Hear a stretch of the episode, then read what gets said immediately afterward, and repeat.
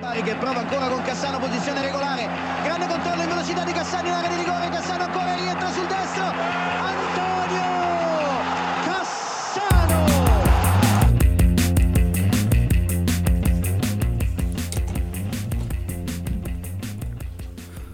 Komið sæl, kæri hlustendur, það er þátturinn búintur að basta með ykkur Það er Vanda, það er Þorgir Lóðarsson sem heilsar í þessari hálfgerðu viðhafnar og uppbytunar útgafu af þættinum og eins og áður er það Átnið Þóriður Randesson sem er mér hér á vinstri hönd. En mér á hægri er það alveg gestur og það er ástæði fyrir því. Við erum komið með hann Guðmund Benditsson sem alltaf þarf að kynna fyrir hlustendum. Sælir herramenn og ertu velkomin til okkar, Ingal Guðmundur. Takk kærlega, takk fyrir að bjóða mér. Hvað segir þá? Það er hérna, það er smá svona handbóltafári í landanum, voruð að horfa í gæðir og voruð Já, já. trektir og sumir? Mm, nei, nei, þetta gekk ágætlega bara. Já, ekki bara. Fýt sigur og gott að einhvern veginn ná hrollinum úr líkamannum fyrir þetta stórmót Já, maður er því bara svona það sem að við gáttum sem best vonað Gumi.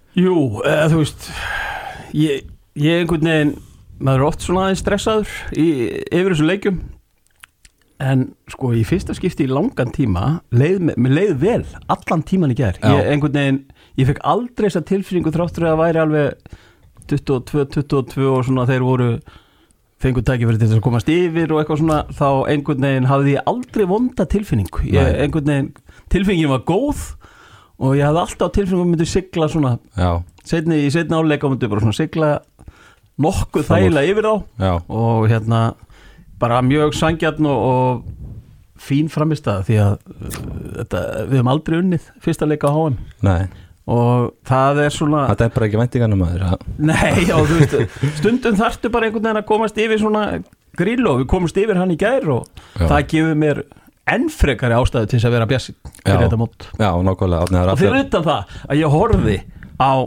Ungarland, Suðu Kóra í gær Já, ok sem gerði mig eins bjassinu eins og ég verð sko, því að það er ekki sjens að við töfum fyrir þessu liðum Ekki fyrir ungurum, ekki séns sko, það, það verður alveg jafn leikur Já. en við erum betri Já, og þetta var svona leikurinn kannski við vinnum Suðu Kóru með vinstri sko, ég ætla bara Já, að Já, kannski, fínt að geta kvílt á Ómar Inga og já, svona menn. við, við munum geta leift okkur það í já, þeim leik. Já, átnið, það er allir að tala um handbóltan, það er svona þessi trú kannski sem er komið með þetta landslið núna. Já, ég held að þetta svona kannski lýsi sér bara með hversu mikil press er á svo liði að fara langt í þessu móti er að Gummi var bara klökkur eftir leik þarna landslið þjálfari Íslands og og, Gummi Ben líka. Já, og Gummi Ben líka náttúrulega, hann er klökkur hérna bara. Já, uh, En jú, bara frábær leikur og spennandi mót framöndan en ef ekki fara bara yfir Jú, ítalska jú, boltan jú, eða? jú, bara svona aðeins, menn það er ekki allir að tala um þetta. Jú, jú, jú, jú, fínt. En hérna, við erum það gáttum ekki sleppt að fá þig hérna hinga til okkur gumma því að þú ert að fara að lýsa stórleikni í kvöld. Juventus Napoli, eða Napoli Juventus. Já, Þetta verður svona greiðlega mikilvæg leikur upp á upp á framhaldi að gera allavega í deildinni. Þetta er svona, svona menn er að sörkla hennan dag já, ég meina það, þú veist það er bara litið á þennan leik sem einn, klálega einn af ústita leikjum deildarinnar. Því að svona, ég held að svona flest önnur lið heldur en, heldur en Napoli líta á þetta sem tækifæri fyrir hinliðin ef að Juventus vinnur hennar leik þar að segja. Því að Juventus getur komið sér þá er ekki bara fjórum stugum Jú, það er sjöslega munn Já, og fjóru stugum að þeim sko, en annars vinni hins vegar Napoli þá, þá munar tíu stugum og, og hérna ég veit ekki, það er allir búin að líta á þú veist, Napoli er stórkostlegi fyrir áramót síðan svona einhvern veginn í HM-pálsunu og jólunum það svona spiluðu æfingarleiki þar sem fóru svona að tapa allt í prófa það í fyrsta skipti þannig séð og síðan tapa er þessum leik um daginn gegn, gegn Inter Mhm. Sem þú lýstir, sem mitt Já, og, og hérna en ná síðan að hrista það af sér með, með sigri um síðustu helgi Mhm. í, í deildinni og, og svona það voru svona margi sem að litu eftir tapi gegn Inter, jú, jú, þetta er bara típist Napoli. Þeir, byrja tímabilið frábælega fyrir hlutana síðan munu þau gefa eftir núna? Mhm. og ég held að fólk sé ennþá að horfa svolítið á Napoli að Napoli vinnur ekki deildina sko, þeir, þeir gefa alltaf eftir Nei, nei, hlutan en, en þeir eru bara búin að vera langbesta lið í deildinni, hinga til. Já. og hérna eiga svo sannarlega skilja að vera á, á topnum og með þetta fórskot Já, einmitt, hérna En þú svona sem leikmaður eða þjálfari, þú veist, þú væri að fara inn í þessa lungu pásu svona, maður, maður var smá smeykur fyrir hönd Napoli fyrir pásuna í desember. Þú veist, hvernig hefði þú tæklað þetta? Því að liðið var bara á eldi eins og segir og spilaði frábæran bolta. Þetta er nefnilega, þú veist, það, það hefur enginn prófað þetta. Nei, að það sé heimsmestramót í í november, desember. Og hérna það er gjössalega ómöld að segja hvernig maður hefði gert þetta því að þú veist, það er bara, það er allir að prófa eitthvað nýtt og, og ómöld að segja hvernig menninni koma úr heimsmeistaramótinu og þeir sem eru ekki að spila á heimsmeistaramótinu sem þurfa bara að æfa og þú veist, hversu mikið frí allar að gefa þeim. Þú veist, ég myndi bara ég ætla ekki að eða orku þegar hvernig ég hefði gert það af því að ég, ég bara þú veist, er ekki einu sinni í þessari stöðu að þurfa að taka ákvörðun um það. En, en þetta hefur trúi ég hefur verið ótrúlega erfitt bara fyrir alla þjálfara að, að svona Já. reyna að finna út úr því hvað ætla sér best fyrir minn leikmannhóp hvað eru margir að fara? Hvað eru margir sem eru að æfa, hvað þeir að gefa þeim langt frí? Og þú veist, þannig að ég verið sem, verið eins og ferskastir, ferskastir þegar þetta byrjar aftur í, í janúar. Mhm. Já, kannski aðal munurinn líka fyrir þessi tvö lið í- með háum glugga er að Juventus var náttúrulega komið svolítið í gang og Napoli var búið að vera á eldi bara síðan í byrjun tímbils flesti Það leikmenn sem alltaf hjá Juventus. Juventus sem miklu fyrir leikmenn sem fór á háum sko, en þetta var alltaf challenge fyrir báða að finna út Hvernig það ætla að gera þetta. En á sama tíma var Kiesa kom úr meðslum hjá Juventus þannig að þeir græða líka á tímanum sérstaklega með þessa leikmenni svo Angel Di Maria, Kiesa Pogba. mögulega, já Pogba bara þannig að þeir sé ekki að spila þessa leiki sem að þeir geta þá að spila núna. Mhm. uh, og einhvern veginn bara drilla eins betur liðið saman. Þetta var ekki alveg byrjunin sem þið vildu þarna. Nei, nei. og Allegri náttúrulega bara búin að sigla einhverjum hvað átta í röð? Já, hann svo fá sér mark.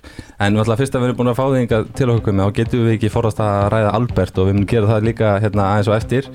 En bara svona ef við höldum okkur svona á þessum almennu nótum svona, það kannski þó ítölskum uh, svona ítalski boltin í áttinu og níunni. Það er alltaf rosalega nostalgía sem fylgir alltaf þessum ítalska bolta. Hvernig svona, þú veist, þú ert að þetta eru mótandi ár fyrir þig náttúrulega? Já, heldur betur. Og ég meina maður er að alast upp við það að ítalska deildin er bara er sterkasta og skemmtilegasta og besta deild mm -hmm. í, í heiminum á, á þeim tíma. Þegar, að, þegar maður er að alast upp og maður er að alast upp við, við hollensku þrenninguna þrennuna hjá, hjá Milan og, og þýsku þrennuna hjá, hjá Inter. Og ég, þú veist, það voru bara forréttindi segið því að þú veist, maður var svakalug Milan-maður á, á sínu tíma þegar að Van Basten sem var einn af mínum uppáhalds knassbyrnumönnum og, og eitt besti leikmaður heims á þeim, þeim tíma og náttúrulega með Gullit og Rækjart á, sama tíma og síðan varstum við með, með þessa segja, ítölsku vörd sem að, sem að, að fylgdi þessu Milan-liði þar sem þú varst með varst með Maldini og þú varst með eh, Costa Curta og, og síðan hvað, hvað er hann gamli hérna sem var Aldi, á, á miðinni eða vörninni? Í vörninni. Baresi. Baresi, Baresi já, já, já. í vörninni og, og þú veist maður ólst upp við þetta þess að maður var bara þú veist sem var bara besti fótboltinn. Og þú veist ítalska deildin var á toppnum þá og við erum ennþá býja eftir að ítalska deildin Já, finni aftur þennan topp sko, sem, sem þau voru, voru á þeim tíma. Hann er, hann er kannski orðin smá fjarlægur núna segja ykkurir en Já, kannski á tímbileðan á 2017-18 þegar Juventus er að fara í úslitaleg mistardildarinn og Ronaldo er komin til þeirra þá var svona, heyrðu, byrju, er þetta að fara að gerast hérna aftur? En einhvern veginn aftur downfall Já, eftir en það. hann, á sama tíma fyrir hann alltaf til sterkasta leysin sem hann bara vinna, ég veit ekki hvað mörg ári röð sko, Já, Hann en bara svona sem skilur já, bara svona brand þá fær seri A náttúrulega bara þegar Ronaldo gefur með 500 miljón fylgjendur á Instagram bara, Mhm. þá skipti það miklu máli fyrir deildina sko, Já, þó var, var það Van Basten sem var bara svona ofar öllum með það Já, ég, eða, þú veist af, af allavega á þeim tíma var fann Bastum að bara minn upp á snarspundmaður Mhm. og hérna maður reyndi svona reyndi að herma eftir því sem hann er að gera og það var ekki tækt að herma eftir því en, en, en þú veist þetta var einn af bestu knastmyndunum heims á, á sínum tíma og áður en hann meiðist að bara held að þessi rétt að mér að Bastin hafi verið kosin tvisvar sinum, hvort hann fekk ekki gullboltan tvisvar. Já, og var hann að, þú veist, bara besti leikmaður heims og mesti markaskorari. Uh, en síðan var þú veist, var fullt af ítölskun leikmannum þú veist, eins og Baccio og Del Piero. Og það er svona, það er svona kannski þeir tvei leikmenn sem ég leit á sem að þú veist, maður, maður horfði á að spila leikin og bara, wow svona töframenn. Já, alvöru töframenn sko sem að var bara svo gaman að horfa á. Og síðan, þú veist, síðan voru bara, þú veist, eins og Paolo Rossi á, á HM 82 og svona, þú veist, gæjar sem komu upp, Skilazzi náttúrulega 90 Já, Tótó. Sjálfur, sko, þú veist ég sá, sá okkar viðtal við fjölskyldan sem daginn í einhverju þætti. Já. og það kom fyrir utan heimilans sem að amman spjóði eitthvað Hann er ennþá hitt ég bara. Já, hann er ennþá og, þetta eru svo mikil trúabröð og þú veist, þú, þú þarft að þú þarft að fara aðna og þú þarft að hafa komið aðna á leiki og hitta bara og sjá þessar stjörnur líka til þess að til þess að sjá og trúa hvers konar trúabröð knaspirna er á Ítalju því að þetta er þe- þetta er svo miklu meira heldur en þú veist, horfum til Englands eða Þýskalands eða hvers að það er Mhm. þarna eru tætnar á því kistar sko. ef já. þú ert töframæður þá er bara, þá leggst fólk mér á, á fjórafætur og kissir á því tætnar Já. En á sama tíma einhvern veginn líka ef það gengur illa þá ertu þá Já. ertu eiginlega jútasinn sko já, já, en, en það er samt þannig einhvern veginn að það er samt þessi virðing Já, já, fyrir að þú sért ert. íþróttamæður já, já. Já, já, já En eins og þannig að Vialli skrifaði um þessi munurinn á Englandi Já, og, boltin í Ítalíu er að vinna já hitt er afþreying sko Já. eða skemmtun já, já. Þannig að að en, þú veist bara stórkostlegt and og, og ég bara ég held ekki vatni yfir Ítalju sko. þráttur Nei. að deildin sé kannski ekki á þeim stallið sem hún var en uh, bara með hvernig svona blóði rennur í ítölsku fólki mhm. þá, þá, þá veit ég það að ítalska deildin mun aftur ná þessu stalli. Já, því að það er bara, fólk bara lifir fyrir þetta. Já. Það er náttúrulega öll þessi lið líka náttúrulega á Ítalíu sem að deildin býr eða alltaf að þú veist, það er svo systur sem að eru náttúrulega hafa vel að sjaldan verið jafnari heldur en núna, þannig að kannski myndast eitthvað augnablík svona næstu, á næstu tímabilum allavega. Já, þannig að sýsturnar sjö eins og það eru kallaðar. Svona sterkustu liðin í deildinni. Já, uh, Já, ég held líka bara að við sjáum bara uh, mæting á völlin hún hefur skánað bara svo mikið til mun að bara eiginlega eftir COVID að það er vonandi þá einhvern veginn eigur ennþá meiri áhuga á deildinni Erlendis og, og á Ítalíu. Mhm þannig að það, ég held að það sé bara bjarti tíma framöndan hjá ítalskum Já, fókbalta ég, já. ég, ég horfði nú bara á var það ekki bara var ekki bari minnir það að verið bari Já, já, Genúa já, hérna bara rétt það fyrir jól. 50.000 manns eða eitthvað. 50.000 manns á, á vellinum og ég held að þetta sé næst best sótti leikur í seríu B í sögunni eða eitthvað þess það sko þú veist að og það er einmitt eins og þú segir bara eftir COVID það sem að allt var lokað og, og Ítalía fór sérstaklega illa út úr, úr, út úr COVID að það er einhvern veginn eftir að það var opnað það er bara einn hann hefur aukist ef eitthvað er sko Mhm. með hvernig hann var fyrir COVID og, og hérna, fólk elskar að fara á völlin og þetta er, þetta er hátíð í bæ Já, Klálega það var líka Salernitana leikur um daginn gegn Mílan í hádegin og miðugdegi og það var bara fullu völlur sko. Já, það var ekki einhvern frítagur Nei, það var bara miðugdagur í það var bara hádeginu. miðgudagur, þú veist bara allir atvinnulausir og, og bara allir hinni tók sér frí Já, og þau voru mættir sko. Já, já. Bara hátíð í bæ. Hversu marga leiki hefur þú farið á Ítalíu? Gumi, hefur þú sótt það svolítið? ég, ég hef náttúrulega farið meira Já. núna eftir að, eftir að Albert fór og ég hef að sjá sko, ég ætli sér ekki búin að fara á einhverja fjóra fjóra heimilegi á, hjá Genoa. Og ég fór á Milan Genoa á síðustu leiktíð á San Siro. Uh, þar á undan var ég nefnilega ekki búin að fara kannski nema einu sinni eða eitthvað. Held ég á, á leik á Ítalju en, en það voru mistök að vera ekki búin að vera Já, fara fyrir löngu, já, já, það eru margir sem gera þau mistök sko. Og þeir eru eftir að verða miklu fleiri. Ég er líka bara áhugin á ekki? dildinni hérna hefur aukist líka bara af því að áhugin á að ferðast til Ítalíu hefur aukist svona eh, sérstaklega með öllum sem lágjaldar flugfélögum sem er að fljúa þangað beint. Já, og ég held einmitt að við hefum einmitt bara hvetja fólk að því að það eru ótrúlega margir íslendingar sem að fara í frí til Ítalíu og, og einmitt að nýta tækifæri, finna sér leik og það skiptir eiginlega engum máli hvar, það, hvar það er á já. findu þér leik til þess að fara á bara að fara með krakkana og þetta. Þetta er bara eitthvað sem þú og börnin munu búa að alla æfi sko. Já, ég, bara, ég bara lofa því að fólk á að nýta tækifæri og, og fara á fótbollaleik Já, það verður upplifin einhvern veginn að gera. En hérna, hvað svona bara svona klárum þetta svona formulega, við sku, skulum segja þessu svo hérna, er það þá bara AC Milan og Genova svona liðin þín? sko ég ég er, reyndar er sko algjört að ég hát ég í, í, í Já. ítölskum bolta geta alveg, ég sveiflast alveg fram og tilbaka eins og mjög margir Já, ég, þú veist, Milan þú veist, ég reyfst á sínum tíma óbúslega mikið á Juventus einmitt þegar Baccio og Del Piero voru að spila þar og, og síðan ég veit ekki að hverju Fiorentina var alltaf svona á, á sínum tíma Battistúta Róma þegar að, þú veist, Battistúta var þar líka. Mhm, mhm. Sampdoria á sínum tíma með Vialli og Mancini. Ég, þú veist, ég hef haldið með flest með liðun í Serie A sko, af því að það er bara, ég fæ og veist, að, ég er ekki að ljúga þig núna, ég fæ alveg gæsa á þú þegar ég er að tala um þetta einmitt, þú veist, Já.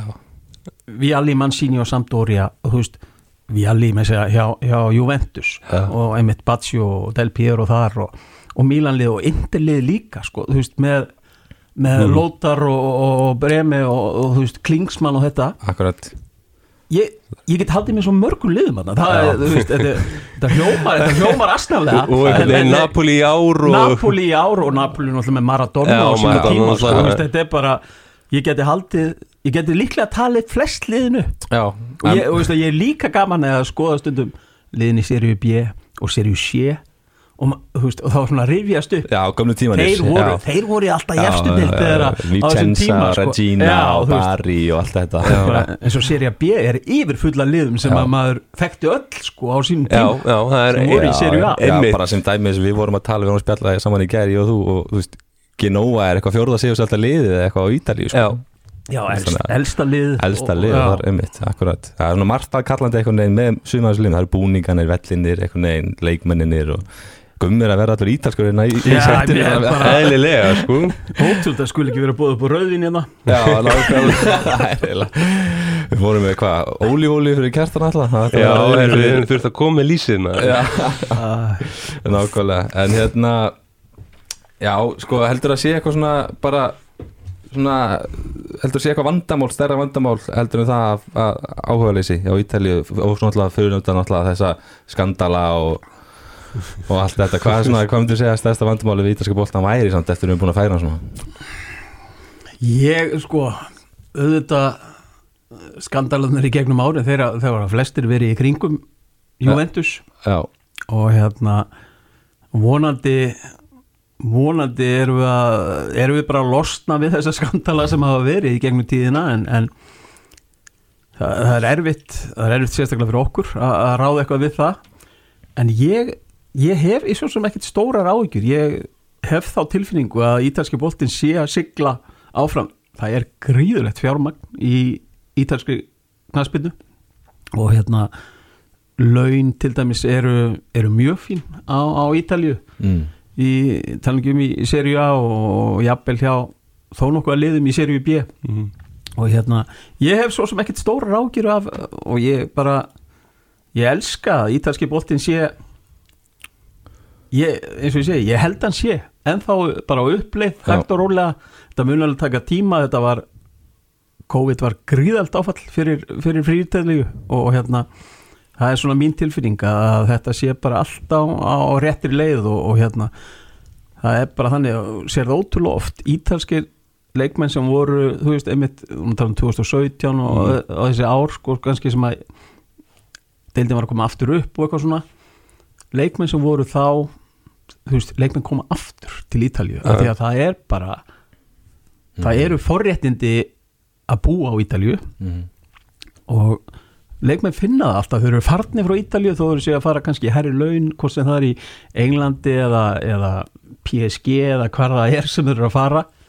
Þá sér maður ótrúlega ofta að þeir vilja koma aftur til Ítalju Já, ég held að sé uh, alveg satt hjá þér og ég held að sé minna áreiti líka á þeim á Ítalju, það er minna sko svona auðvitað ef þú ert Ronaldo áreiti allan daginn á Mm. þeir en ef þú ert bara venlegu leikmaður í þessum liðum þá er ekkert verið að pikka í því endilega út í búð eða eldaði einhverju paparazziar sko Nei, Ekki þessir svona ekki leikmenn. þannig, en, en ég get samt sagt þér það, þú veist bara sem dæmi í Já. Genoa Mm að fyr- fyrir bara Albert að fara út í búð eða eitthvað Já, Bara kistur eða? ég, þú veist, það er, það er ótrúlegt hvað margir fylgjast með og vita, þekkja leikmennina Já. og veist, og engin leiðindi Nei, nei, en, en þú veist, myndir og allt þetta Mhm. þe- þú veist, þetta er ótrúlegt á Ítölu þetta er meira heldur en ég hef upplifað þannig sé nokkuð staðar Já, annars Já, ég má ok. þetta halda það eitthvað Já, á þess að, þeir séu með neinn leiðindi sko, það er bara Nei, mitt, en kannski hann leifi sér að fara út í búð. Já, Eitthvað já, þar, skilur en á Englandi þá er bara, herru, við sendum heim, skilur Já, já, við erum ekkert að fara út í búð. Já,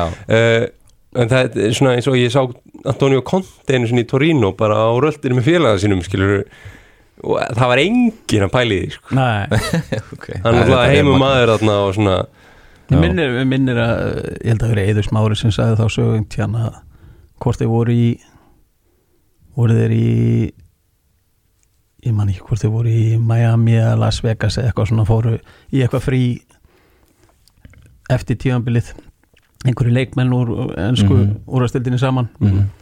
og þar hitta þeir einmitt leikmenn úr ítösku dildinni Maldini og þú veist það voru einhverju svona Já. það voru stórstjörnur úr Mílan sem að voru þarna saman líka Já, á þeim tíma.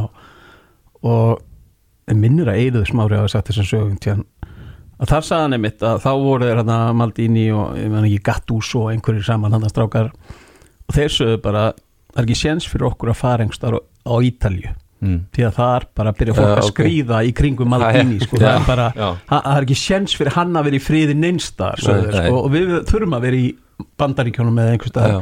til þess að fá bara smá frið Já, sögðu þeir sko að þetta væri bara á Ítalju þar væri bara það er ekki séns og það var einmitt eigður með þessi hissa sko veist, og þeir voru að spila í ennsku úrvastildinni og þeir voru ennski meistarar og allt þetta Chelsea. Já, en þetta, var- þetta var samt einhvern veginn allt öðrísi og einhvern veginn Ja. stærra þeir, eins og þeir voru stærri leikmenn sko á Ítalju þetta er guðið hérna sko. En eins og það fari ekki til Boston, það er bara Ítalju aldáðundur þar, sko, og ítalskir innflytjendur, sko.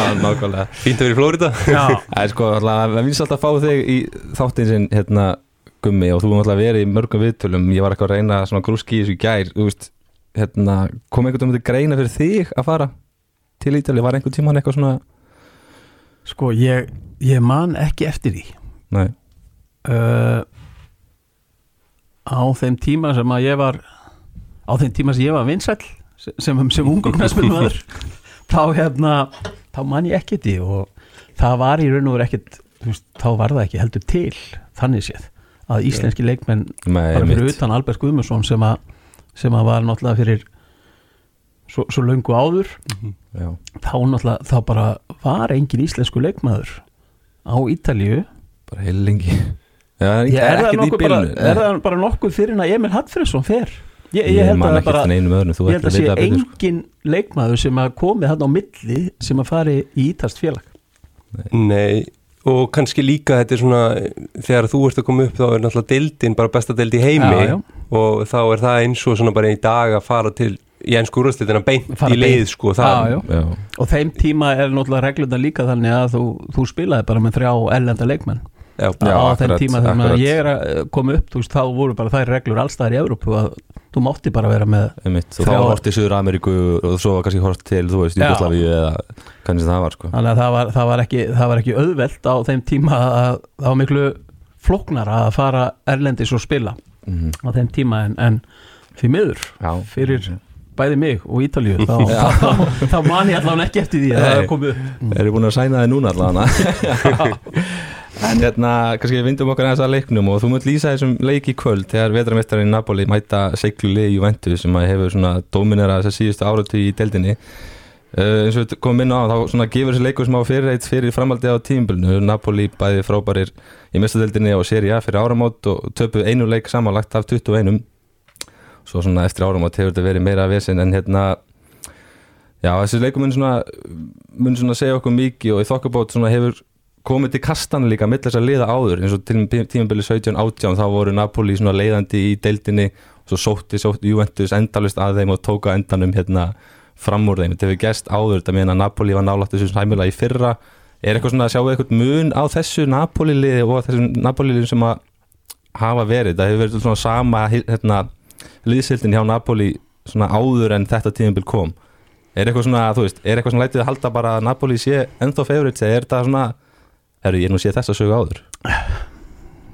Sko ég held að sé að þetta líta bara á hvort feggja þannig séð. Ég held að sé alveg að trúa að því að Juventus muni skrýða einhvern veginn að lokum og vinna þetta það er, það er mjög típist en það er samt einhver tilfinning sem ég hef þarna með, með Napoli þetta árið og einhvern veginn maður trúir í að þeir séu bara veist, liðið er ári eldra og að það er svona meiri trú og einhvern veginn finnst mér framistaðan í eiginlega öllum leikjunum á þessari leiktíð vera miklu þroskari heldur en við sáum bara fyrir ári síðan Mhm. þráttur að það veri rosa gaman að horfa á Napoli á síðustu leiktíð þá finnst mér þið bara miklu betri í, í ár heldur en bara fyrir ári síðan. Sammála þessu. Það já. er einhvern veginn svona, það er eitthvað við við allt liðið sem er einhvern veginn og, og síðan er náttúrulega bara búið að bæta í liðið og þú veist, þú ert komið með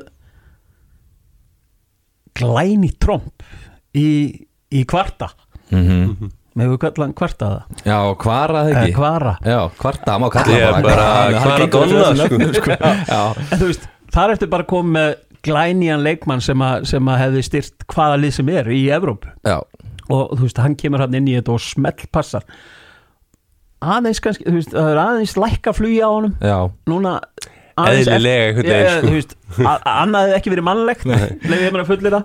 En samt er einhvern veginn tilfinningin að hann muni hækka flugið aftur. Núna Já. bara þegar þetta byrji aftur svona komið rytmin aftur. Já, og þess vegna, þess vegna er trúminn einhvern veginn þannig að Napoli muni sigla áfram mjög hátt í og, og á topnum og ég, hefna, ég hef ekki einhverja tilfinningu um að þetta verið típist ítalst, ítalst hérna tímabil að, að þeir muni gefa eftir og síðan vinnu Júfi eða, eða Milan eða Inter Nei, mitt án eða þú tekur það svona að rjúeglir og þú veist, heldur Það er erfitt. Já, Eh, sko ég held eh, kannski aðal ástæða fyrir að ég myndi halda að Napoli myndi klúðra þessu Mm. e ef það er einhver sko ef að Juventus vinnur í kvöld þá held ég að bara einhvern veginn veðmála vélarna séu farnar að halla staðið Juventus aftur uh, af því að bara sagan er með þeim eins og við töluðum um aðan saga með Íslandi að við erum búin að tapa einhverjum öllum opnunuleikum með HM og núna bara um leið og við vinnum þennan leik þá, þá einhvern veginn trúum við Mhm. uh, ég held að sé líka bara munur og hug að fara innan félagana og þjálfarana Spalletti lísti þessu svolítið á, vel núna í einhverju viðtali fyrir þennan leik að, að sko að legri skiptir yngur máli hvernig fótbolta hann spilar. Eina sem skiptir máli er að vinna leikin já, hann er svona vinnumæður ef þú veist. Bara það er ekkert sem skiptir máli eð- nema bara að vinna. Mm -hmm. en á meðan Napoli vill spila fallega fótbolta. Og, og, þetta er bara þetta er mentalitíð í félugunum líka. Þetta er Juventus skiptur engum máli, þeir vilja helst hafa varna sinna þjálfara, búin að vera með Allegri náttúrulega núna í nokkur ár aftur, eftir að hafa unnið titilin eitthvað 5-6 sinnum. Og konti fyrir hann þá. Þeir þjálfara sem að komu inn til þess að einhvern veginn að hrist upp í lutan og mótt að gera eitthvað betra og vinna mestardildina, þeir náðu ekki að hylla stjórnina og þannig að þess vegna held ég að Juventus 7 líklegri ef þeir vinni í kvöld en það er bara orðið það stort bil ef þeir tapa að þá ættu Napoli, þá er það þeirra að tapa deildinni, finnst mér. Uh, Þú veist að segja sér jafnteflis bragur af þessum leik eða ekki? Það er rosa jafnteflisbræður af þessum leik af því að bæði lið megi ekki tapa. Mhm. og ég held að Sérstaklega þessum slóðum þá er það bara þannig að hvort lið núnast eitthvað neinn stekkur á agni Já, þá ég sko. held líka bara uh, þekkjandi að leikri ágætlega svona, hans taktík að hann muni leggja upp leikin sem jættefli af því að hann veit að þá er ennþá möguleiki fyrir þá ef þau tapa, þá er þetta eiginlega búið Mm. þannig að hann einhvern veginn sér frekar fram á í næstu hérna, 20 leikjum þá getum við tekið einhver 6 stig af þeim sko. mm. Mm. ja, það sem við þurfum bara í kvöld er að Napoli skori fyrsta markið snemma í þessum leik. Já, opna leikin þannig að þetta verði Já, bara já, þannig að leikri getur hennilega ekki haldið áfram í leiknum Nei, bara nei, að, Nei, að sætta sig við að við höldum bara hreinu og kannski skorum við eitt. Veist, eins og þeir hafa verið að vinna undanförnum, það sem er að vera að vinna þetta ekki bara 5 að síðustu 6, 1-0 eða hvað það er sko? Jú, Jú, það það, get- er ekki ég held að sé bara nánast það leik já, já, í einum að síðustu 6 hafi skorað meirinn eitt mark eða eitthvað. Já. Og oftast undir lokin. Já, og þú veist, þessi vél náttúrulega, Juventus vélin er það er ekki ástæðu lausu. Og eins og þú segir, þú veist, þeir, þeir, þeim er alveg sama þrátt fyrir að þetta sé ekki alltaf fallett og eitthvað, þetta snýstu það að vinna vinna mót, það snýstu það að vinna mót sko hjá þeim. Og Allegri ég, ég hef alltaf verið mikill aðdáðandi hans og ég tala ekki um svona, það er bara svona stað, staðfesti það þegar ég horfði á Juventus þættina hérna fyrir Já. nokkrum árum hvers konar konungar hann er sko hjá, hjá félaginu Já, þú veist, virðingin sem hann hefur og, og hvernig hann stjórnar öllu frá aðtilu það fannst mér bara aðdáðanvert að, að horfa á það er ekki ástæðuleysu að Juventus er að rýsa upp aftur þegar hann er mættur Nei. því að þetta er, þetta er algjör mistari sko. Já, hann er líka búin að vinna þessa deildi eitthvað 7-8 sinnum Mm. Já, sko. við hefum talað um þess að þætti mitt líka, þú veist, hvað hann kemur vel út í þeim og er eitthvað neginn svona ás, hann, því að hann náttúrulega svona kemur á sjónasviðið með AC Milan-lið svona Já. eitthvað neginn fyrir mörgum sko Mm. og það fór allt í rústir eitthvað neginn og það svona munið bara þegar, þú veist, Juventus réðan, það var ekkit vinsælt Nei, og svo bara hvernig hann kemur fyrir í þessum þáttum og árangurum sem hann hefur sínt síðan, veist, það er bara mitt, það svona breytir svolítið, hann er bara með sama huga fyrir klubburinn sem að já, mattsar vel við Juventus, það er Juventus búið að vinna serja, já, já meistaratitilin á Ítalju 36 sinnum mm. Napoli tvisvar já, þannig að já, já. það er svona og þeir þurftu eiginlega Maradona þarna síðasta til þess að vinna hann sko. Já, einmitt, já og hérna, þeir eru náttúrulega með núna þetta valdkart þarna í Kvara og, Mhm. og Kórubón Kim sem að hefur líka komið svona sterkur inn já, bara öll transferin þeirra í sumar hittu Mm. þeir Já. losuðu sér við ga- svona eldri leikmenn sem voru að fara niður brekkunni eins og menn kallaði þetta. Já, já. Uh, Koulibaly og svona menn sem hafa verið mjög góði fyrir þá. Mm fá Kimminn og, og Kvara og, og einhvern veginn bara smellur. Manst þú eftir komið bara einhverju svona, þú veist það sem að kemur fótboltamaður sem er náttúrulega bara besti maður deildarinnar og hann kemur bara ég veit ekki hvaðan sko. Nei, ekki í fljótu bræði Nei. satt að segja því að eh, þú veist, þetta er náttúrulega tala ekki um, þú veist, bara frá landi eins og Georgiu Mhm. sem að hefur bara ekki þessa, hefur ekki þessa hefð þú veist, þessa knaspinu hefð. Og strákur sem að, þú veist, fer til Úgrænu Mhm. en ekki Úgrænu, en Rúsland Jó, er fór hann ekki eitthvað til Karkíf eitthvað hann að Já, en þú veist Nei, hann fór til Kassan, Rúbin Kassan Já, já, já, hann fer, já. já, hann fer til Rúslands og þú veist ma- maður svona, maður hafði heyrt nafni hans. Já, en, en þú veist, og gott eða hann var ekki hvað sem besti ungi leikmaðurinn eitthvað í Rúslandi eða eitthvað þess áttar já, getur jú. Og hérna, en síðan þú veist, breyst út stríð og, og, og hann getur nýtt sér þetta ákvæði að, fara frá þeim bara og fer heim að spila í georgísku deildinni þú veist, og, og reyndar ég held að þetta er bara einhverju 8 eða 11 kannski 11 leikir eða eitthvað sem hann, sem hann spilar hérna, þú veist, setjapartin á síðustu leiktið en að fara síðan þaðan í Napoli og gjössanlega rúll upp fyrir part deildarinnar ég held að eins og þú segir, maður er svona að reyna að hugsa þú veist, nei, svari hlýtur eiginlega bara að vera nei, að það, ég hef aldrei séð þetta áður að Nei. einhver komi bara inn í einhverju svona deild sem þannig sé ekkert nafn nei, nei. og, og hreinlega bara rúllin upp Einmitt. og þó að maður beri saman einhverju fyrir tíma þegar menn voru komið í ennsku úrvastildinu og við vissum minna um leikmenn Já. það voru þetta samt held í herri prófílar þú veist, ef maður rýnir í það sko. Já. þetta var ekki að koma frá Georgi sko. og það er ekki bara það að hann hafi komið inn í ítölsku deildinu eitthvað hann tók riðilin í meistaradeildinni Mhm. og hlóa á honum Já. og þú veist með Liverpool og Ajax í riðli já, og þa- þetta er bara stórkostlega framist það var rosalega að horfa hann mútið Liverpool hérna, í sérstaklega í fyrirleiknum og bara líki setni þú veist hvernig hann bara nánast þeim segir hló aðeim sko. já. já, þetta er bara þetta er náttúrulega bara öskubisku ævintýri einhvern veginn að fá hann í þess að deild sko, fyrir Napoli og ég veit að, að svona yfirmaður að Chief Scoutin þeirra hefur heldur verið orðaði við Juventus á síðustu síðustu mánuðum bara út af þessum árangri bara, Mm. að einhvern veginn allir leikmennir hitta þarna og bara smellin í liði uh, það er kannski eitt leikmaði sem að svona, minn uh, Pavel Nedved þegar hann kemur til Lazio Mm. hann er kannski svona eh, dæmi um leikmann sem var kannski ekki það þekktur og verður síðan frábær en eiginlega ekki á þessum skala eins og hver að skilja sko. Korki, náttúrulega, Georgi er eh, miklu já, minna þekkt land í fótbolta Já. heldur en Tjekkland og líka bara og Nedved var búinn að sína okkur þú veist á landslýssviðinu að já, hann já. væri líklega klári í þetta sko. já, það er 96 eða ekki eða hvað? Er ekki er það 96 á EM í Englandi? Já, þú veist það sem að Poborski Nedved og einhverjum fleiri Köllerinn hann Köller, Já, getur vel verið að Köller að vera hana, center, hjá, hjá tjekkunum þá að ég meina, þarna voru bara nokkri sem voru keifti strax eftir mót sem að Já. síndu bara, heyrðu, þessir eru klárir í þetta. Já, gott ef að Patrik Berger hvort að hann voru Liverpool jú, líka í, í já. kjölfari og eitthvað svona Akkurat. sko þannig að þarna voru alveg svona að því að tekkandi voru allt í unum með sterkt lið. Georgói hefur aldrei verið með sterkt lið. Nei, nei, Nei. þetta og þarna allt í unum er bara einhver, eitt eitt undratæki sem, sem, sem að Napoli finnur. Væri því ekki líka bara aukin rómatik í því að þeir myndu síðan klára þetta bara svona svo við segjum það Gumi sko, Eða þú ert ekki þú ert ekki mannlegur Nei. ef þú heldur ekki aðeins með Napoli Já, í, í þessari keppni á Ítalju Þa, það er eitthvað að þér.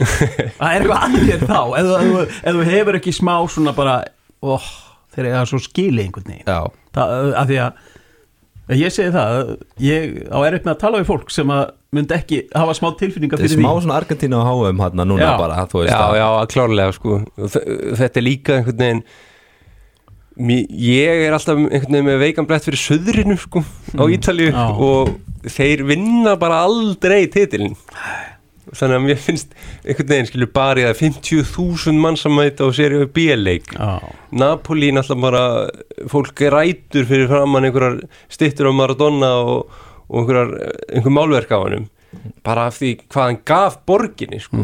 og þess vegna þess vegna verður maður einhvern veginn smá að halda með Napoli í þessari baratu sko. Já, bara, þú veist, líka bara þeir sem hafa séð, þú veist, Maradona myndina þú veist, að að sjá þetta, þú veist Já. þetta er, við, við erum að sjá sko alvöru myndir, þetta er ekki leikið en eitt, sko, það er bara að vera að sína þegar hann kom á sínum tíma og, og hvað hann gerði. Já. að þetta, ef, ef þú hrjúst ekki með þarna þá, þá, þá endur þetta ekki, þá er eitthvað að þér. Já. já, já Það er nánast þannig sko, hvað hérna svona bara í stuttumáli hvernig leik við, þú tala um að jafntölis bara á þessu hvernig er svona haldið þetta fari og hvernig leik fáu heldur við fáum inn á lokaða leik? Gumi? sko, sko Napoli er ekki góður í því að vera með í Nei, þeir, þeir, þeir, þeir eiginlega kunna það ekki meðan að Juventus er fullkomilið í, í það. Og ég bara ég veit ekki, ég, þetta er kannski meira svona eitthvað hjarta sem að sem ég læt allt og oft plata mig, hjarta mitt en, en hérna, tilfinningi mín er að þetta verði þetta verði Napoli leikur þetta verði gal opin leikur og ég held að Napoli skorist nefna sem að verði þess að Allegri og félagar þeir sprengið upp líka og þetta verði ég ætla að segja þetta verði sjömarka leikur já, það verður bara leikur það er bara einhver Já, svona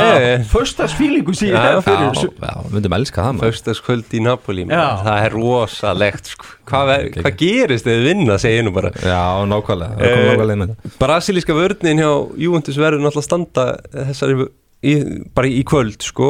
Það er Sandro, Danilo og Bremer sem kemur mæntilega aftur inn í liðið. Já, það er skemmtilegt að leika þetta besta sókninu, bestu vörðinni sko. Já. það er svona alltaf þetta er rosalegt og náttúrulega bara ég myndi segja að Snjesni eins og hann er kallað núna. Já, uh, hann sé besti markmaður deildarinnar líka. Þannig að þetta er vörnin og markmaður sem eru þau bestu. Uh, sóknin alltaf störluð hjá Napoli. Uh, ég ætla að spá 1-1 Já. Ok, þannig að við erum komið með spána það er náttúrulega hérna, svona ef við förum að liðs hérna, frettir þá eru aðeins meiri fjárveru hjá Juventus, Pogba er náttúrulega ekki orðin klár, hefur ekkert spilað á tímbilum Vlahovits er ekki klár, Bonucci náttúrulega dottin út úr þessu uh, á meðan eru allir heilir hjá Napoli og, og hérna, þeir eru náttúrulega með svona þessar, þessar skemmtilu leikmenn. Nokkar líka bara svolítið að spyrja þig um mig hérna uh, veist saknað þú svona, þú varst að tala um Van Basten og varst að tala um svona tíur og náttúrulega sóknamenn og svo líka svona leikmenn sem hafa verið í hólinu fríflóðing, það er alltaf að tala um svona tíjan sé að hverfa úr boltanum. Hvað er svona, er þín, ég get ímyndað með að þú sjálfur sem tíja, þú veist. Finnst þetta ekki svona smá leiðileg þróun eða svona sorglegt svona upp á fagfræðin að gera. Jú ég get ekki neitað því. Uh, aðeins en, en sko fótboltin er bara samt að þróast einhvern veginn á, á hverjum degi. Mhm. og hérna þú veist, þú ert farin að spila bara með þú veist, þrjár áttur uh, ef að kalla það þrjár áttur eða bara, þú veist, flest lið í heiminum þannig sé, Já. þar þarftu bara að vera með hlaupagetu þess að hlaupa box í box. Og, og að mista kosti tvær áttur. Þú veist, öll, alvöru liðin eru bara, þú veist jú, lefur sér kannski að vera með eina sexu svona til þess að, aðeins að verja vörnina en, en, en þú það er engin alvöru lið fyrir að spila, þú veist, að spila ennþá með tvær sexur og, og þú veist, einn í hólunni eða eitthvað svona.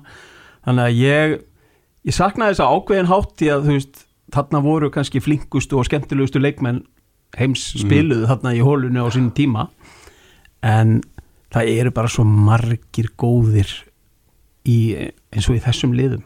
Veist ég alveg ég hrýfst bara með að, að, sjá hvernig leikurinn er að þróast alltaf með þannig sem er hverjum deginum og mér finnst fótboltin verða betri með, með hverjum deginum. Mhm. Ma, maður, þú veist, lifir í einhverju nostrakíu að, að þetta hefur verið betra í gamla dag og eitthvað svona en síðan bara því miður þá sér maður gamla leiki sem maður spilaði sjálfur og maður hugsaði bara, guð minn guð minn góð, hvað hva var að er gera þetta veist, ég sá einhvern gamlan byggarústaleik núna um daginn sko sem var að endur sína á rúfi eða eitthvað, framká er 95 í minningunni, þú veist, við lendum Sambabolti í minningunni í kannski? minningunni sambabolti og raukt spjald og okkur snemmaleiks eða í fyrráleika eitthvað og samt höfum við spila fullkónlega og unnum 2-1 eða eitthvað Þetta var leiðilegsti leikur sem ég sé því ég sá hann í endursýningunni sko, gjössan að menn bara spörkuðu boltanum eitthvað og vonuðu bara að eitthvað myndi gerast. En, en fótboltin er bara eins og ég segi, mér finnst það að vera betri og betri og það eru allt, alla pælingar og allt í kringum þetta er bara þetta er að fara á herra plan nánast með, með hverju árinu. Og þess vegna bara er ég eins og ég segi ég, auðvitað sakna ég ákveðina leikmanna svona típur og eitthvað svona en, en það, þetta er bara orðin svo miklu meiri íþróttamenn sem er, sem er að spila í dag og ég, ég er, þú veist, bara bara leikmann eins og Rabió sem að ég veit ekki m- myndum við segja að hann var í besti leikmaður Juventus jafnvel á, á leiktíðinni þú veist, gæði sem er að reynda að fara gaggrinni fyrir það að vera besti leikmaður núna hefur ég verið að lesa að því hann er að renna út á samning Já, já. þá halda Já. menn að hann sé bara þú veist, Samningsárið. Ég veit ekki hvort að sumir blaðamenn halda að leikmenn séu svona ógeðslega klókir að þeir séu, þeir ákveða að vera góðir á, á, þú veist, á síðasta veist, þeir eru mannleir eins, eins og, eins og allir og, og en ég hef óbúslega gaman og frábæra HM með, með frökkunum og, og búin að vera mjög öflugur á þessari leiktíð. Ég er bara svona, ég elska svona leikmenni með, með þessa vél sem hann hefur sko, hann getur dræfað upp nánast allan völlin og þetta er bara svo gaman að fylgjast með þó að þetta sé allt önnu típa heldur en til dæmis Spazio eða Del Piero eða svona kannski típu sem vorum að ræða á það Já. þá, þá er svona svona gæjar sem að, sem, sem að heilla mér mjög mikið. Já, ég held að þetta sé svona einmitt leiðin til að horfa á þetta Þetta er svona, Við venjumst nýjum hlutum og það kemur eitthvað nýtt í staðinn eitthvað nýtt bragð sem að Já, einhvern veginn þeir sem hafa saknað tíuna geta hort á Rómaleiki Dybala er svona kannski eina svona eiginlega heimsklassa tíjan í þessari deild. Já, og að- margir telja hann svona hálf útrunnin sko, Já, einmitt. Þannig að útrunnin var að- En eh, líka bara einhvern veginn þessi Þú talar um þróun á leiknum Ég veist eins og bara leikmenn eins og Barella Hann er einhvern veginn með tíu í sér En líka þess að hlaupa getur hann, hann er nefnilega kannski einn aðeins sem þú þurft aðeins að breyta sér Já, sko. þú veist að því að bara fyrir ég var að fyrir fimm árum eða eitthvað þú veist þegar hann var tvítur eða hvað Já. það var að, að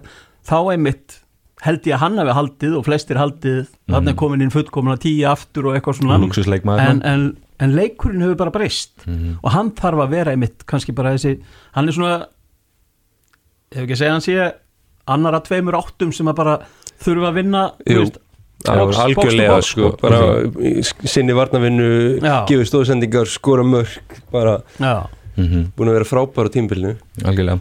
En hérna, verð nú að ræða svona líka einmitt eins og við komum inn á áðan aðeins um strákiðingum sem að spila með Genoa í Serie B og hefur spilað í Serie A í fyrra. Skiptum þjálfara á dögunum spiluðu á hérna, Olympico í gær þar sem að hann var geimtur á bekknum og svona vantarlega svona sem pappans allavega að vona til og hann sjálfur að hann kæmi inn á og, eða allavega þessi byrja leikina því hann hefur verið að spila frábælega og skora núna hvað, tvö sigumörk í röð og, og verið að svona fíla lífi undir nýjum þjálfara já, já það, ég meina ég get alveg viðkjönd til það, hann reynda vissi og það vissu allir í liðinu að þjálfari hann búin að tilkynna það, ég manni minni að vera á sunnudaginn frekar en á mándaginn, þá var þjálfarin klálega búin að ákveða það að að hann gerir sjö breytingar á, á liðinu sem að hafi byrjað síðustu tvo leikið þar á undan Mhm. og, og unnið þarna í í tveim risaleikjum því að það var á móti liðunum sem er að berjast í kringu toppin í, í seríu B þannig að hann svona tilfinningin allavega var að hann, svona, hann var tilbúin að gefa þetta frá sér. Koppa Italia bara svona aðal áherslan er klálega á það bara fara upp og, og hérna reyna að halda dampi þar í, í, í bjöldinni en ég, ég við ekki það fúslega, ég var aðeins svektur veist, þetta er, þetta er stórt svið að fara á Olympico og, og spila þar á, gegn Mourinho og Roma þar sem að einmitt var að pakka völlur í, í gær og, og stemmingin á vellinum var, var geggjuð. En hérna það var svona aðeins svekkjandi að- vita það að hann ætlaði að reyna að kvíla megin þorran að byrjanliðinu Mhm. endaði með því að reynda að setja þú veist, hann setur Strútmann og, og, og fleiri hann inn á í, í setna áleik en, en ég hafði aldrei að tilfinninguna að þeir hefðu trú á því að þeir væri að fara Nei, að koma tilbaka þú veist, þeir reyndar ég held að þetta ekki 64 mínútu fyrir Róma að skora Dybala, Mhm. gott að Dybala byrja ekki á bekknum og kom inn á hálfleika eða eitthvað og hann skorar, já, já, skorar síðan já og hérna en það var svona þeir voru mestmægnis í vörn og, og hérna maður hafði ekkert stóra ágjur en þetta var hins vegar bara 1-0 Já. og, og þeir voru alveg í sér, þeir fengu tækifæri hérna í, í setnáleik til þess að, jafna sent í leiknum og eitthvað svona en maður hafði aldrei á tilfenginu að vera að vinna leikin satt að segja mm. kannski þjálfan bránaður að menn meðist ekki og þetta hafi ekki verið niðurlæging Já, ég held að þetta hafi verið svolítið lagt upp þannig að Mhm. það það átti bara svona að reyna að reyna að sleppa vel frá þessu sem er skrítið að því á Englandi þá svona þekkjast það kannski að þessi neðri dildalið þeir svona fara svolítið eftir stóru liðunum sko Mm. þú veist og reyna Mm. bara að sparka á niður eða einhvern veginn og fá þessi byggar æfintýri á Ítalið þekkist þetta svolítið að liðin þarna í neðri dildunum þeir bara nánast gefa Mm. svolítið þessa leiki sko svona Samt voru við að sjá í vikunni þú veist að eftir jú, út já, og, já. og það var var það Inter sem fór í framleggingu Já. Já, gegn Parma. Já og þú veist þannig að það var svona þið voru aðeins með held ég vindurum var aðeins í baki það, það var kannski möguleiki að mæta þarna og Mhm. Rómalið einhvern veginn Ekki er takti, ekki, ekki í takti þráttur að einhvern veginn náði jættefli þarna var ekki bara gegn Mílan í, í, í undir þú veist, um síðustu Jú. helgi einhvern veginn stálu, einhvern veginn stíu undir restina. Og ekki alveg í takti og það er svona sá maður kannski möguleika. Það væri hægt að fara þarna og jafnvel að stríða þeim svolítið vel sko. En, það er svona, en það er bara eins og það er. Ég, ég hef miklu meira áhuga á, á Venecia leiknum á mándaskvöldið og það, nákvæmlega. það er kannski líka, þú veist, þetta er á 15 skvöldi leikur, risa leikur í deildin á mándaginn og það var klálega pælingin hjá Giladino já Mhm. einmitt, hvað, ég kalla hann Alessandro eins og maður kalla nú bara einhverja íþalarsndum Alessandro. Hérna, þjálfur að Gilardino. reikin, hann hétt Alexandro Já, alveg, Blessin. Blessin já, Já. blessaði maðurinn. Hérna, Hann hefur einmitt svona unnið sig bara vel inn í liðin. Alltaf var stór partur á liðin, ég segi það nú ekki áður en að þjálfarnir fór. Hérna, hann lítur að vera bara mjög ánægð með þessa breytingu. Já, já, hann er bara mjög ánægð með lífið í Genua það er bara það eru fóréttindi að fá að vera knarsbyttumadur á Ítalíu og hérna bara nýtur lífsins og einmitt eins og þú komst inn á þá er gengið vel í því að skora og leggja upp mörk á undanförnu og hérna það, þetta snýst um það að vinna leiki og snýst um það hjá Genua að fara upp. Mhm. og þeir eru hérna í kringum þetta síðan þriða sætið eitthvað í Já, núna um þessa mundir.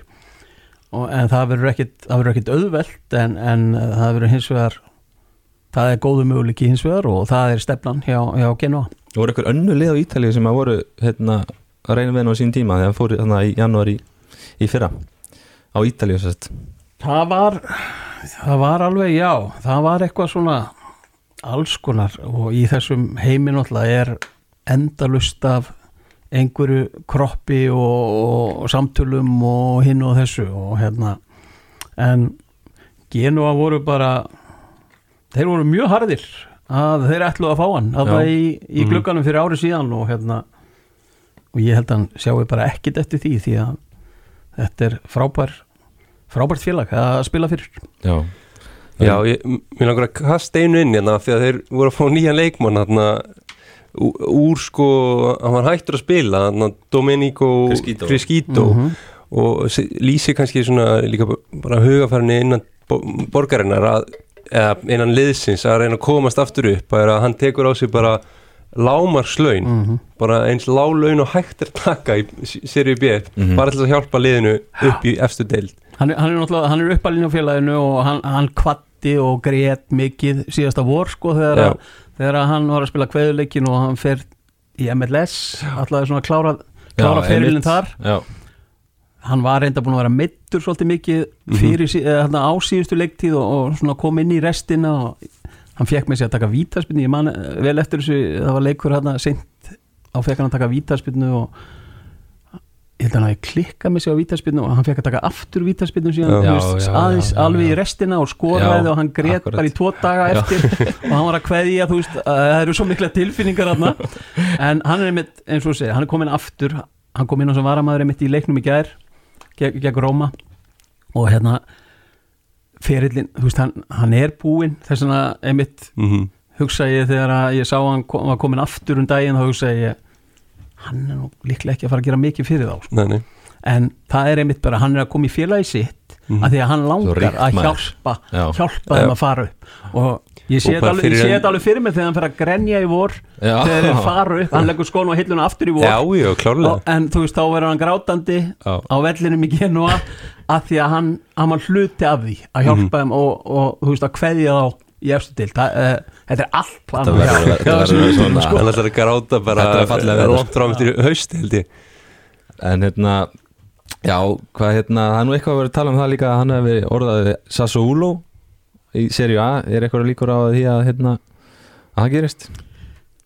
Ég, ég er því rosalega hissa ef að, ef að ef Albert myndi færa sig núna í, í glugganum því að í fyrsta lagi sé ég það ekki að eh, Genoa sé tilbúið að sætta sig við sætta sig við eh, eitthvað tilbúð í, í hann því að það er einmitt hann er hann er stór hluti af því að, að þeir eru að reyna að fara upp og hérna ég, ég eins og ég segi, ég er mjög hissa en síðan á maður reyndar aldrei að vera hissa í þessum fótbolta heimi Nei. því að þar gerast hlutir mjög hratt og, og óvænt stundum þannig að en aftur, ég er mjög hissa ef, að- að myndi færa sig. Já, var eitthvað sem sem hann færi hérna, þegar þið fóru niður? Eða þú veist, var, var það var Það- bara staðráni því að taka slægin í serju B?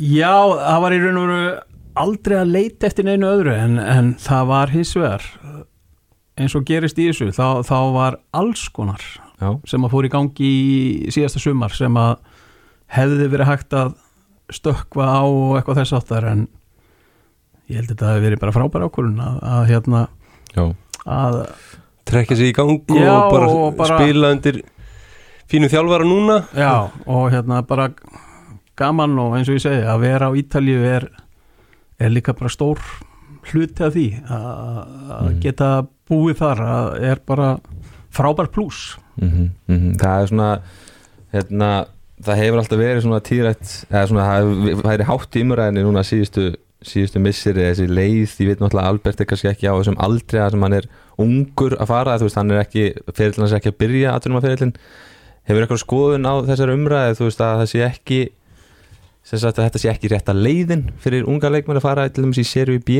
Nú er séð náttúrulega fullt að leikjum í serju B og, og veist hvernig boltin er þar. Uh, hvað hefur þú að segja inn í þessa umræði er, er eitthvað inbúð þannig sko ég hef svo sem ekkit einhverjar eh, stórar skoðanir eða, eða hugmyndir um það en, en hérna ég held að engin leikmaður er því svikin af því að æfa eða spila á Ítalíu.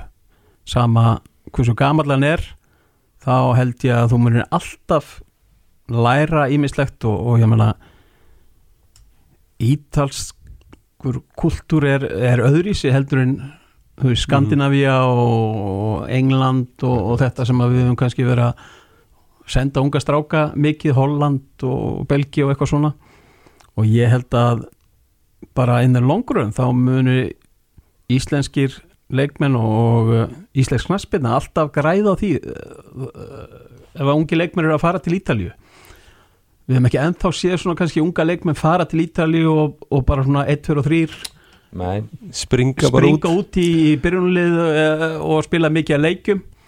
En ég held að það sé líka bara eitthvað sem að það mun kannski gerast. En, en, en þú veist þetta tekur tíma það þú sér það líka bara hjá ítölsku leikmönnum þeir, þeir, Mhm. þeir kom ekkit úr varaliðinu og beintin í lið og er að spila alla leiki og eitthvað þess átt þetta Nei. á Ítalíu kannski sko svona öðru sér við kannski aðra deildur og svona þar þar verðist taka lengri tíma fyrir, fyrir menn að, að þeir telja þessu nægilega þroskaði til að spila í aðlið Mhm. Já, og hérna Það er svolítið svona vandamál stórir hópar og svona það er bara erfiðar, að komast inn í liðið sko. og sér já. rosa lítið af þú veist, 17, 18 ára strákum sem að Já, það er svona það er bara undrabönnin sko. Casano og svona Ég hérna, hafsendin hérna í Inter líka Bastoni. Þetta eru strákar sem komið þannig inn en Þetta eru fá dæmi þetta eru rosa fá dæmi sko. Já, já, ég heyrði einhvern tímann til dæmis munurinn á Ítali og Hollandi sem dæmi eða Ítali og Belgiu væri það sko að Belgiu þá þar færð að spila til þess að sanna það og sért ekki nógu góður. En á Ítali er það eiginlega sko öfugt sko. Já, þú veist að, hérna, að þú veist, þeir, þeir eru miklu gjarnar að gefa leikmennum séns og svo kannski bara ef það gengur ekki þá gefast þeir upp. En þú þarft einhvern veginn að sanna því fyrirfram fyrir mönnum þú veist á Ítali já, en bara svona hérna þetta er rétt í lokið því við erum að tæma hérna, alveg að tæmast með við erum alveg að vera tæmdir á tíma. Bara svona gummi þú veist mikill vín áhuga maður. Þetta er ekki bara að kalla það eitthvað meira. Hérna uh, ég bara þú veist við verðum að koma sæðis í menninguna ítalsku menninguna. Þetta, þetta matur og vín dæmi sko hvað er hérna? Staður, matur og vín staðið matur og vín er ekki eitthvað spjald eða Eh, spjaldi í einhverjum leik. Já Já, það er uh, sko ég ég er nú svo sem ekki með uh, nöfn, nöfnin á hreinu á, á einhverjum vínum og þess áttar nei. En það, maður er eiginlega bara það heppin á Ítalíu að á nánast öllum stöðum sem, sem maður heimsækir þar færðu þar færðu gott vín. Þú færðu bara gott húsvín. Á, öllum stöðum sko, sem, sem og tvær eurur Já, bara þú veist á skít og kanil og tala ekki um matinn sem að sem að ég veit ekki hvað ég fari oft út að borða á Ítalíu og ég hef ekki ennþá lappað út ósáttur því að það er bara matur, það er bara að kunna búa til mat Mhm. og maður, maður bara gengur út hamingjusamur í hvert eina skið sem maður fer að borða á Ítalíu Já. og um það snýst að, að það sé skemmtileg upplifun og, og hérna ég ætla ekki að vera að nefna nein nöfn á vínum af því að ég bara fólk verður eiginlega bara prófa sig áfram. Þetta er bara þetta er listigarður af, af vínum og mat og, og þarna þarftu bara að þú ert að fara ángað og prófa þig áfram því að þú veist, vín eru bara svona ég veit ekki, það er ekkert eitt sem maður á að nefna eða eitthvað þó að ég sé með kannski hundra flöskur í höfðinu Þa, það, þá, hérna, þá eru bara svo margar típur og margar góðar að ég ætla bara ég verði að segja pass við þessu spurningu þannig séð, nema þetta er bara allt já það er bara það er, það er allt þarf ekki að velja það er Nei. bara að þú færið eitthvað gott. Já, það er bara þannig. Já eitthvað er þetta bæta á henni Nei, ég held ekki, sko, ég, geti alltaf að fara að nefna eitthvað en ég segi bara saman með gumma, ég, það er bara pass við þessa spurningu. Ég sé, svo sko, ég er með samt einhverja mynd í hausningum Það er svona að Eitt daginn mynd þú fara flytjast til Ítalíu og lifa svona Casano lífi bara það sem að það er ek, engar áhugjur Tíjan bara gamla. Já, tíðan gamla sérst í Helga Stein á Ítalíu. Er það ekki svona, er, er þetta fjari lægi? ég, ég myndi samþykja þetta um leik það ef, að, ef að þessi hugmynd kemur upp og ég geti lifað þarna þá ég get verið einhvers konar mafjósi og bara setið þarna á mótnana með kaffibóllan og, og kvöldin með rauðvinsglasi það, það væri draumur í dós. Já, það var virkilega gaman að fá þig Dásanlega að fá þig bara. Hérna, og takk fyrir að gefa þig tíma til að koma til okkar. Og góða skemmtinu leiknum í kvöld. Minnum á hann, hann er klukka 19.35 á stöðu sport 2 segjum bara takk í byli, Takk takk. fyrir mig